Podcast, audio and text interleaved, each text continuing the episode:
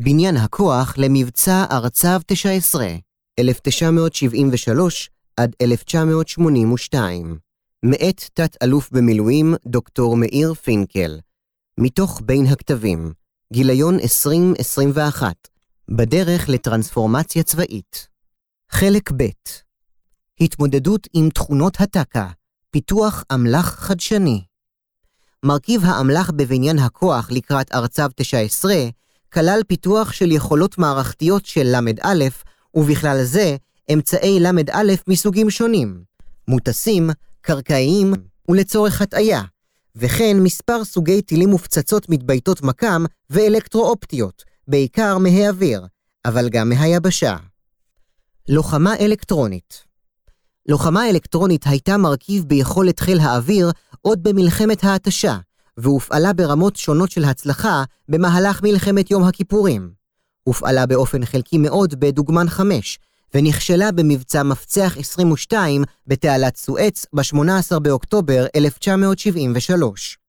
לפי אלוף משנה במילואים אליהו יצחקי, שפיקד על ענף לוחמה אלקטרונית של חיל האוויר במלחמת שלום הגליל, במפצח 23, 20 באוקטובר 1973, תכננו את התקיפה עם סינכרון מלא ללוחמה אלקטרונית.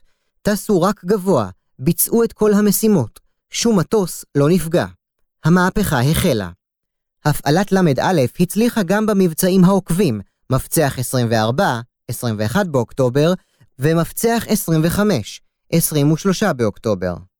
הצורך בהפעלה מתוכננת ומתואמת של מערך ל"א הובן אפוא כבר במלחמת יום הכיפורים, וממנה ועד מלחמת שלום הגליל הושקע מאמץ מקיף לפתח עוד ועוד יכולות ותורות לחימה מתאימה בתחום זה. אלוף משנה במילואים אהוד בן דור, שמונה באפריל 1981 למפקד הלוחמה האלקטרונית בחיל הקשר, אמר לימים, ציטוט, השתלבנו בהכנות לתקיפת הטק"א בתחום של חסימת תקשורת בין הסוללות למרכזי השליטה שלהן. המטרה הייתה להוציא את המפקדים הסוריים משיווי משקלם ולהכניס אותם לאנדרלמוסיה. בן דור פעל בתיאום עם רמי שמש, ראש מדור לוחמה בתקשורת של חיל האוויר, שלדבריו, ציטוט, אחרי מלחמת יום הכיפורים, שינינו לחלוטין את תורת הלחימה של הל"א, ובניגוד לתקופה הקודמת, ידענו לחשב במדויק את השפעת הל"א. לוחמה אלקטרונית הופעלה מאתרים קרקעיים, כמו בחרמון. כמו כן, הופעלה לוחמה אלקטרונית מוטסת מעל גבי יסעורים, סופר פרלונים, בצה"ל, צרעות, וענפות עם אמצעי ל"א, רובם שדרוג של מערכות כתף, שנעשה בהן שימוש כבר במלחמת יום הכיפורים, מטוסי אייט, מטוסי דקוטה ועוד. לפי תחקיר חיל האוויר במבצע שלום הגליל, רשתות הקשר החטיבתיות בין המפח"טים לגדודי הטק"א ורשתות הנתונים בין גופי הפיקוד לסוללות נחסמו באמצעים שונים. במהלך הלחימה הוכפפו כל יחידות הלוחמה האלקטרונית וחוסמי הקשר של חיל הקשר למפקד המבצע. בנוסף להפעלת לוחמה אלקטרונית מערכתית נגד הטק"א הסורי, פותחה במקביל יכולת הגנה עצמית של המטוסים. מוץ להגנה עצמית היה קיים באופן מצומצם עוד לפני מלחמת יום הכיפורים, והפך לתקני בכל המטוסים בשנים שלאחריה, בנוסף לנורים להטעיית אינפרה-אדום של טילי SA-7. פיתוח שימוש במוץ מסיבי לסנוור מערכי המקם של סוללות הטק"א. חיל האוויר הכיר את הפוטנציאל של השימוש במוץ מסיבי לשיבוש מערכות המקם של האויב, בשונה מזה שנועד לשיפור שרידות כלי הטיס הבודד, מהפעלתו במלחמת העולם השנייה, וניסה למצות אותו לקראת סוף מלחמת יום הכיפורים בחזית התעלה, אך ללא הצלחה. לחיל האוויר היה חיקוי של סוללת SA-3, שנבנתה על בסיס חלקים שצה"ל אסף כשלל במלחמת יום הכיפורים, והוא עשה בה שימוש לצורך לימוד דפוסי הפעולה של הטק"א. במסגרת זו, יזם אביאם סלע ניסוי בהפעלה מסיבית של מוץ מול מערך טק"א. במהלך הניסוי, הוא ישב בדגם הסוללה שהוצב באזור מפרץ חיפה, ומולו, מעל הים, פיזר מטוס קרנף מוץ בצורה שאולתרה לצורך הניסוי, על ידי פרחי קורס טיס שהניחו קרטונים מלאי מוץ על מסועים משני צידי המטוס, שהסיעו את הארגזים אל מכונה שגזרה את הקרטון לפני יציאת המוץ מהמטוס. הניסוי שדימה פיזור מוץ מעל רמת הגולן, מכיוון מערב למזרח, הראה שתמונת המקם של הסוללה שובשה משמעותית מהמוץ. במהלך הניסוי המאולתר החלו הפסקות חשמל באזור מפרץ חיפה, ואז התברר כי חלק מפסי המתכת היו ארוכים מאשר הרווח בין חוטי החשמל, וכשנפלו עליהם הם יצרו קצרים. הניסוי המוצלח הוכיח את היכולת והביא לפיתוח מסודר של הטלת טונות של מוץ ממטוסי קרנף. אביאם סלע סיפר לימים כי אנשי הל"א בלהק ציוד של חיל האוויר לא ראו במוץ נושא שבתחום עניינם, מכיוון שהיה מדובר בסוג של חימוש שהוטל ממטוס ולא באמצעי חסימה אלקטרוני אליו הם היו מורגלים. כדי לקדם את הנושא, הועברה האחריות לאנשי הל"א במחלקת אמל"ח, אשר פיתחו את היכולת יחד עם אנשי ענף הל"א ואנשי מחלקת המבצעים. הייתה זו דוגמה נוספת לניסוי מהיר באמצעים פשוטים, שהביא להבנה משופרת של הפוטנציאל הטמון במרכיב נוסף במערכת שפותחה. התפיסה המלאה להפעלת מוץ, בה נעשה שימוש גם במבצע ארצב 19, סוכמה לאחר ניסוי שנערך ביחידת ניסויי הטיסה של חיל האוויר ב-1980. במבצע עצמו הוטלו עשרות טונות של מוץ ממטוסי קרנף ועית שהתפזרו על פני כל הבקע ובחלקים נוספים של לבנון. אלוף עברי סיפר כי ראה במוץ חשיבות רבה וקבע את תחילת התקיפה לשעה 14:00 כדי למצות באופן מיטבי את יעילות המוץ שפיזורו החל בשעה 12:00. גופי הטעיה להונאת המקם של סוללות הטקה. מרכיב אחר בלוחמה האלקטרונית היה גלשני הטעיה, שדימו בחתימתם המקאמית מטוסי קרב, ונועדו לגרום למקם של סוללות הטקה להינעל עליהם ולשגר לעברם טילים. הצורך המובהק היה להגן על מטוסי הצילום, שהיו אמורים לבצע גיחה מוקדמת לזיהוי פריסת סוללות הטקה, תוך סיכון ניכר וללא מערך החסימה והשיבוש האלקטרוני שנועד למבצע עצמו. סלע סיפר בריאיון עמו כי ביקש ממפקד חיל האוויר בני פלד אישור לרכש מהיר של שני סוגים של גופי הטעיה מייצור אמריקאי, שהיו מבוססים על טיל שהורכב על רקטה לצורך הערכת טווח. לפי סלע, הניסוי בגופי ההטעיה הללו היה כישלון מוחץ. כאמור, עוד במלחמת ההתשה היו בידי צה"ל מזלתי הטעיה בשם תלם. ציטוט: כאשר שוגרו בקבוצה, דימו התלמים מבנים של מטוסי קרב שהטעו את מערכות הטילים של האויב. התלמים הופעלו במסגרת טייסת 200 של חיל האוויר במלחמת ההתשה, וכן הופעלו במלחמת יום הכיפורים באופן שלא תרם לפגיעה במערך הטק"א של האויב. אחרי המלחמה, כדי לשפר את יכולות התלם כגוף הטעיה, הוספה לו עדשה, כך ששטח הפנים שלו ייראה גדול יותר במקם. התלם היה בעל מנוע סילון יקר יחסית, ולכן פותחו גלשני הטעיה, פצצה דואה, שנקראו שמשון. במלחמת שלום הגליל הופעלו הן מזלתי תלם ועשרות גלשני שמשון. טילי אוויר קרקע וקרקע-קרקע נגד סוללות טק"א. הייעוד של הטילים היה פגיעה מנגד בסוללות הטק"א, מטווחים הגדולים מטווח הירי של הסוללה עצמה. גישה זו ששילבה יכולות פגיעה מדויקת עם שרידות גבוהה של המטוס, הכווינה מרכיבים ניכרים מיכולת התקיפה האווירית. השם הצהלי של הטילים נגד טק"א היה אגרוף, ולכל טיל ניתן שם של צבע אחר, וכלל שני סוגי רכישת מטרה וביות, טילים מתבייתי מקם וטילים אלקטרו-אופטיים. השילוב של מספר טילים בתקיפה נקרא אגרוף צבעוני. טילים מונחי טלוויזיה, אלקטרו-אופטיים. הטילים האלקטרו-אופטיים היו טילי תדמית של רפאל, אגרוף חום, והפצצות האמריקאיות מונחות הטלוויזיה, אגרוף ירוק. היה גם אגרוף צהוב, פצצת וול-איי, AGM-62, אמריקאית רגילה, שנקראה בצה"ל תשקיף, שנערכו בה שינויים לצורך הערכת הטווח ולצורך הנחיה. מנכ"ל רפאל, זאב בונן, דחף לסייע לחיל האוויר ככל הניתן. מכיוון שהיה צורך דחוף בייצור טילי תדמית, למרות שחלק ניכר מהמכלולים החדשים עדיין לא היה בשל, הוחלט להסב יחידת ייצור של רפאל באופן בלעדי לייצור התדמית. בנובמבר 1974 סופקה כמות מבצעית ראשונה של הטיל, ובאפריל 1975 כבר היו 60 יחידות מבצעיות שלו בחיל האוויר. מחקר שנערך ברפאל מצביע על תחושת הדחיפות מצד אנשי הפיתוח, ומציין כי פיתוח תדמית היה אירוע בולט וחריג בתולדות רפאל מהסיבות הבאות. 1. צורך מבצעי מזוהה, ברור ואקוטי. 2. הכרה בחשיבות הפרויקט. 3. שיתוף פעולה הדוק של חיל האוויר עם רפאל ועם הנהלת משרד הביטחון. 4. דרך התנהלות הפרויקט. תפיסת ניהול גמישה הכוללת האצלת סמכויות וחופש פעולה, לצד קצב פיתוח שהיה מהיר מהרגיל מלכתחילה, והפך במהלך מלחמת יום הכיפורים את תדמית לפרויקט חירום לאומי, מהיר ודחוף עוד יותר. 5. תפוקת הפרויקט באוגוסט 1975, שלוש שנים מתחילת הפרויקט, העמיד רפאל לרשות חיל האוויר 100 יחידות מבצעיות.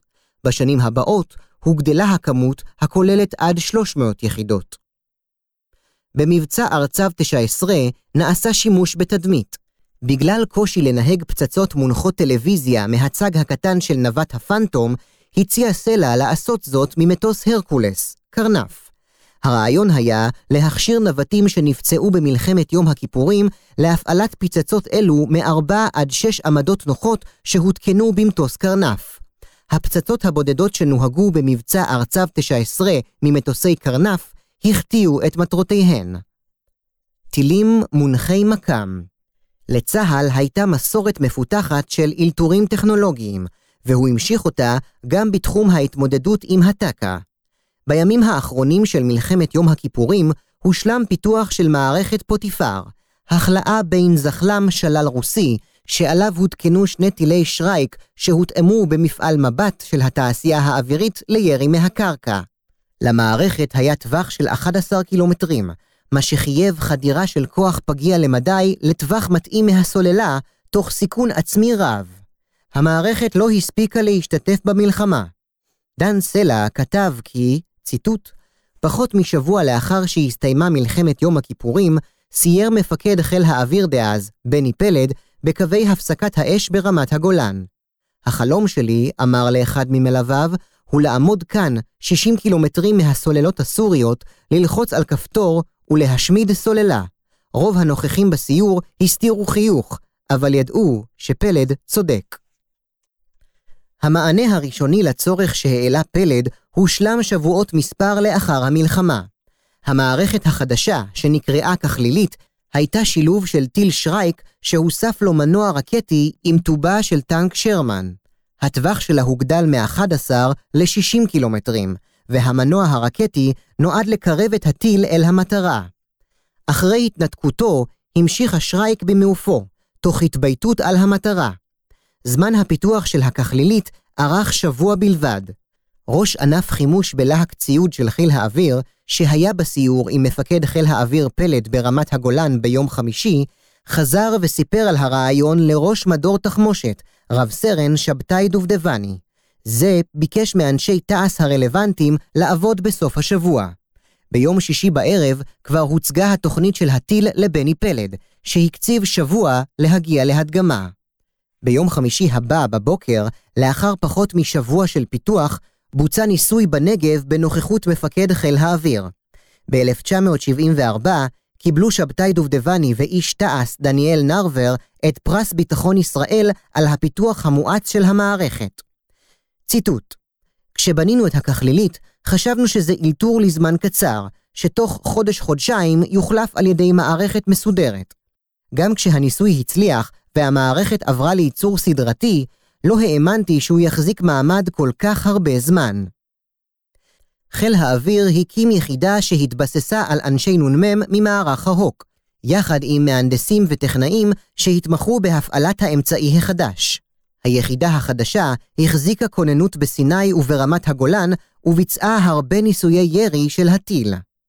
על פי דוד עברי, שהיה באותה עת ראש מחלקת אוויר, מרכיב מיידי נוסף של המענה היה התקנת טילי שרייק על קנות של תותחי נ"מ 23 מילימטר שלל, שהוצבו על הטילים ברמת הגולן, כאשר לכל קנה היו כתובות של תדרים של הטק"א שנערך מולה. ב-1977 החלה יחידת כחלילית לקלוט את הדור הבא של טילי קרקע-קרקע מתבייתי מקם, קרס, שהיו התאמה של טיל סטנדרט ארם לצרכים הישראליים. במבצע ארצב 19 שיגרה טייסת 69 עם 20 מטוסים כ-30 טילי אגרוף סגול. לפי מפקד יחידת הטילים הקרקעיים, במהלך המבצע שיגרה היחידה עשרות טילי כחלילית וקרס אל מערך הטילים הסוריים בבקעה. הסורים כיבו את המכ"מים, והטילים נותרו ללא מטרות. טיל אחד התביית על סוללה סורית באזור דמשק, פנה חדות מזרחה ופגע בה. פיצצות שימוש כללי למרות כל החידושים הטכנולוגיים, המשיך חיל האוויר לפתח שיטות ולהתאמן בשיטת התקיפה הישירה, הטלה מהגובה, עם פיצצות שימוש כללי. הסיבות לכך היו חשש מחסימת ל"א סורית, שתפגע ביכולת התקיפה מנגד באמצעות טילי אגרוף מתבייתי מקם, וכן חשש שמא הרוסים פיתחו שיטות התמודדות עם הפצצות הדועות מונחות הטלוויזיה. במבצע ארצב 19 נעשה שימוש מוגבל בגיבוי זה של פצצות שימוש כללי, עקב ההצלחה הגדולה של גל התקיפה הראשון שתקף מנגד. שילוב יחידות מחוץ לחיל האוויר בתקיפת הטק"א אביאם סלע מספר כי אג"ם מבצעים במטכ"ל נרתם לפיתוח מענה לבעיית הטק"א, לאחר שהמטכ"ל הבין שמדובר בבעיה של צה"ל כולו.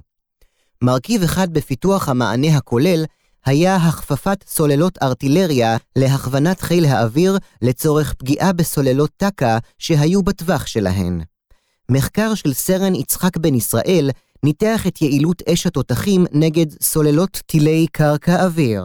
המחקר, שהחל כשנה לפני מלחמת יום הכיפורים כדי להעריך את משקל הארטילריה בתוכנית בנדיגו, נספח ארטילרי לפקודת תגר להשמדת מערך הטילים בתעלת סואץ, הראה כי סיכויי פגיעה גבוהים מצדיקים הגדלת מאמץ להשגת יכולת לטיווח מדויק. בן ישראל המליץ לבדוק את התרומה האפשרית של ירי כמות גדולה של פגזי 155 מילימטרים על סוללות ניידות של SA-6. במבצע ארצב 19 עצמו לא נעשה שימוש בארטילריה, וזאת באופן מכוון, כדי לשמור על גורם ההפתעה. מרכיב שני של המענה הכולל לאתגר הטק"א היה סיוע בתחום הל"א. לצורך זה הוכפף גדוד הקשר הארצי לחיל האוויר בעת ביצוע המשימה. מרכיב שלישי היה הקמת יחידת קומנדו אווירית. איש סיירת מטכ"ל, מוקי בצר, החל אחרי מלחמת יום הכיפורים להקים יחידת קומנדו לפעולות מיוחדות בעומק שטח האויב. בזיכרונותיו הוא מספר שבני פלד גילה עניין ביחידה כזו לצורכי חיל האוויר, לדוגמה, לחילוץ טייסים שנפלו בשטח האויב. בצר הכיר את העיסוק של חיל האוויר במענה לטילי SA-6, הבין כי מתפתחת יכולת הנחיית חימוש חדיש המתביית על קרן לייזר, והציע בהקשר לטק"א כי לוחמי היחידה החדשה יתמכו בחדירה לשטח האויב, בזיהוי סוללות טק"א ובהכוונת הפצצות עליהן. בהמשך תמך גם רמ"ח מבצעים בחיל האוויר, החל מפברואר 1977, אלוף משנה יפתח ספקטור בהקמת יחידת הקומנדו האווירית. בראשית הדרך מדובר היה בפלוגת מילואים בתוך סיירת מטכ"ל, שספקטור כינה הגדוד למשימות חיל האוויר. הפלוגה הועברה מאמ"ן והוקמה כגדוד מטכ"לי תחת קחצר ב-1977, ועברה באופן מלא לפיקוד חיל האוויר בשנת 1985. היחידה ערכה מבצעים במלחמת שלום הגליל, אך לא השתתפה במבצע ארצב 19. אימון מדמה מציאות בחוברת קרבות טילים מינואר 1975 הדגיש אביאם סלע את חשיבות האימונים ואת הצורך בדמעים של סוללות SA-6 כדי לאמן את הטייסים. במרס 1975 הפיץ רע"ן אימונים אוויריים, סגן אלוף יפתח ספקטור, דרישה מבצעית לסימולציה ויזואלית ללחימה בטילים. בה טען כי הדימויים הקודמים של ירי טיל אינם נותנים מענה מספק. הם אינם דומים למציאות בצורתם, קצב ההתרחשויות אינו מתאים, ואין דרך לנתח את פעולות הטייס אל מול הדימוי. ספקטור טען כי המענה המתאים הוא שימוש בסימולטור אמריקאי לקרבות אוויר, בו ייעשו התאמות ישראליות.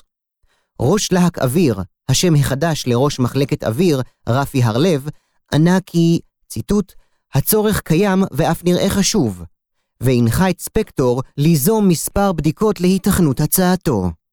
בנובמבר 1976, בעת ששימש כמפקד טייסת 201, שקלטה את הפצצה האמריקאית החדשה המונחה אופטית GBU-15, בצה"ל, אגרוף ירוק, ביקר אביאם סלע בחברת רוקוול ובבסיס חיל האוויר האמריקאי אגלין, לצורך לימוד הסימולטורים האמריקאים שפותחו עבור אימון בנשק אלקטרו-אופטי. האימון בהטלת חימוש אלקטרו-אופטי התנהל עד אז באופן שהמטוס דימה את הפצצה, והנווט, שתפקידו היה להפעיל את החימוש, כיוון את הטייס במעופו לאורך עשרות קילומטרים של דאיית הפצצה, עד קרוב למקום הפגיעה. במסמך סיכום הביקור המליץ סלע לשלוח את אנשי הטייסת לארצות הברית בפברואר-מרס 1977, לאימון בן כשבוע בסימולטור, בעלות של 20,000 עד 25,000 דולר לכל המתאמנים. ראש להק אוויר, הרלב, תמך בהצעה. לפי סלע, 12 נווטי פנטום מטייסת 201 עברו ב-1978 את האימון הראשון בסימולטור בארצות הברית, שהתחיל סדרת אימונים שנמשכו במתכונת זו עד שנת 1982. עוד סיפר סלע כי כמפקד טייסת הוא שכנע את מפקד בסיס חצור להכין דגם בגודל מלא של סוללת SA-6 שאפשר תרגול של תקיפת הסוללה במציאות. בהמשך נבנו דגמים של מקם התראה של סוללה בכל בסיס, וכן פותח מטווח אלקטרוני בשדה הניסויים בשדמה. מפקד חיל האוויר בשנים 1977 עד 1982, אלוף דוד עברי, סיפר כי ב-1978 הוא הנחה שכל בוגר קורס אימון מתקדם יעשה לפחות גיחה אחת בלבנון, סוג של גיחת אימון מול סוללות SA-2 ו-SA-3 הסוריות שהיו פרוסות בבקעת הלבנון. ציטוט בטייסות הפנטום היה מעקב אישי על ביצוע תרגולים אישיים בנשק מנגד מול סוללות בלבנון. הצוותים תרגלו את היעף מבלי לשגר את הנשק, והיה על כך פיקוח ממפקדת חיל האוויר. הזירה הלבנונית הייתה מוכרת לטייסי חיל האוויר, אפילו לזוטרים ביותר. עודדתי שיתוף צעירים בתקיפת מטרות מחבלים בלבנון, דבר שהיה כמעט שגרתי. כך נמנעה מהם ההתרגשות של חצייה ראשונה של הגבול, דבר שהיה מאפשר פחות לחץ בלחימה. תרגול מערכתי מאז אמצע שנות ה-70 ועד מלחמת לבנון, בוצע בחיל האוויר, אחת לארבעה חודשים, תרגיל גדול שעסק ספציפית בתקיפת טקה, או כלל מרכיב משמעותי שלה. חלק מהתרגילים, בעיקר הראשונים שבהם, צוינו קודם לכן. הם אפשרו לחיל האוויר לבחון רעיונות חדשים מיד כשרעיון כזה עלה. תרגילים טסים אלה נקראו טורפדו, והופעל בהם מערך המודיעין והתקיפה מול ביום אויב, סוללות ונ"מ.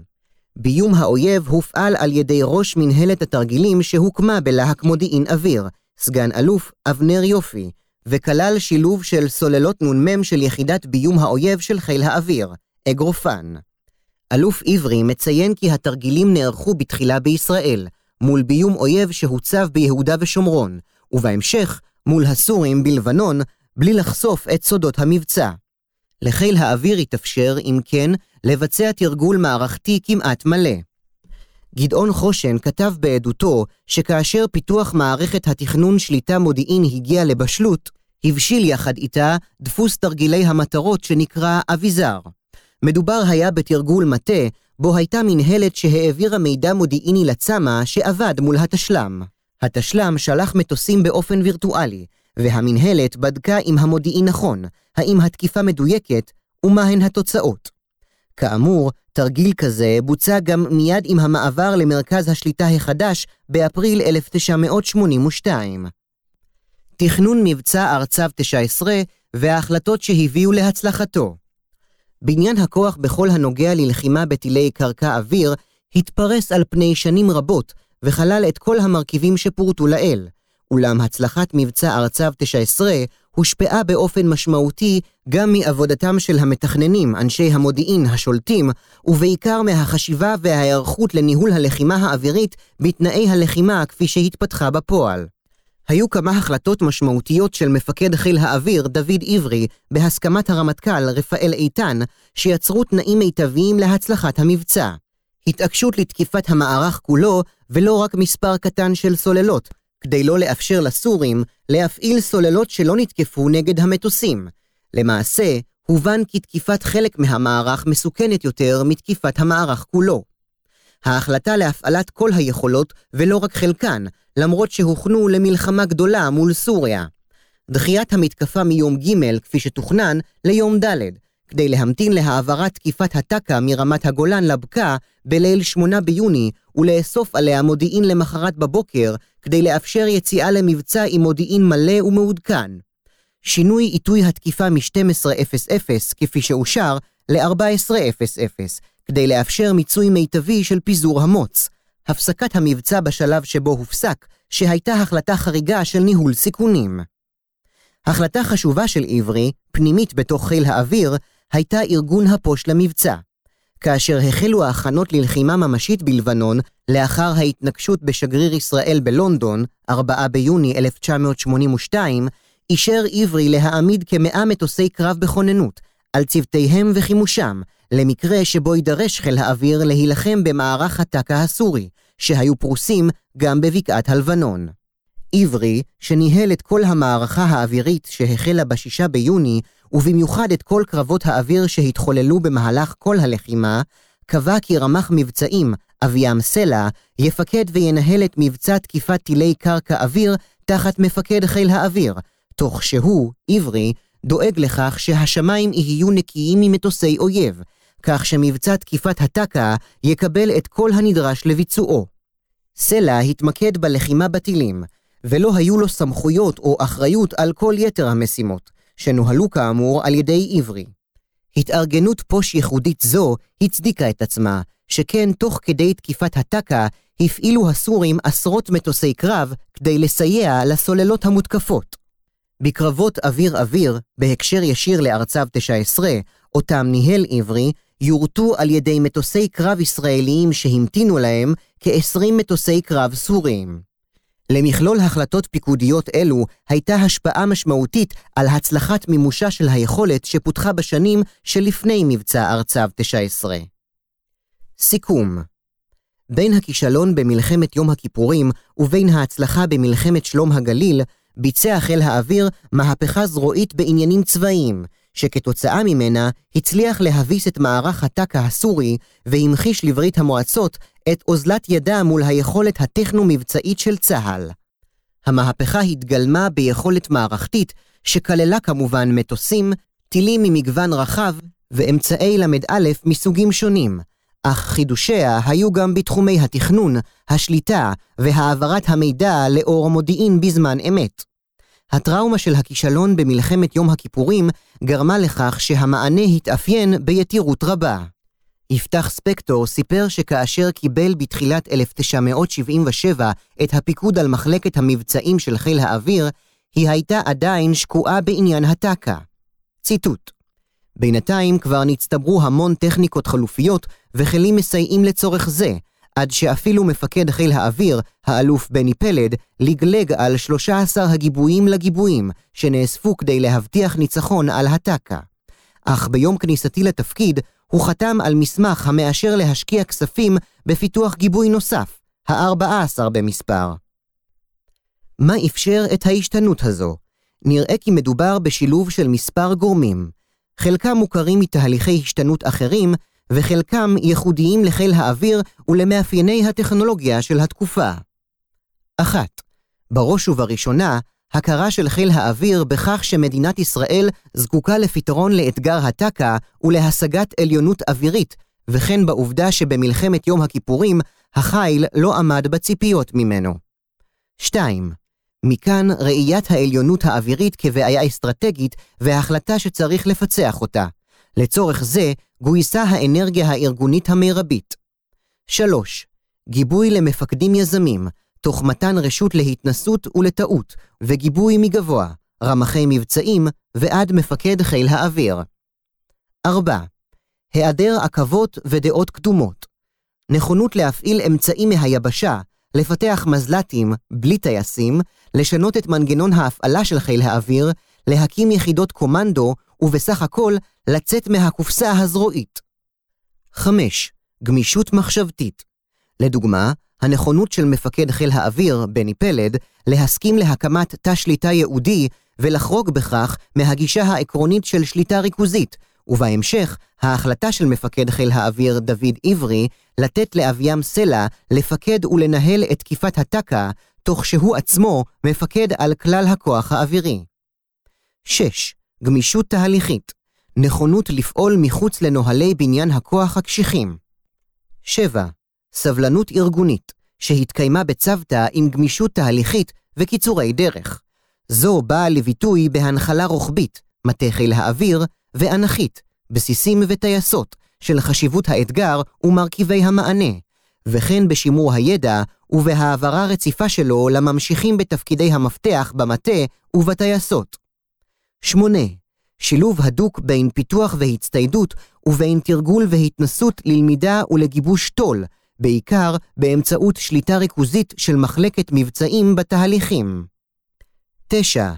הרתמות מלאה של צמרת צה"ל, ובמיוחד רמחי המבצעים משה לוי, אורי שגיא ועמוס ירון לכל המהלך שהוביל חיל האוויר, וכן מעורבות מלאה של הרמטכ"ל בחמש השנים שלפני המלחמה.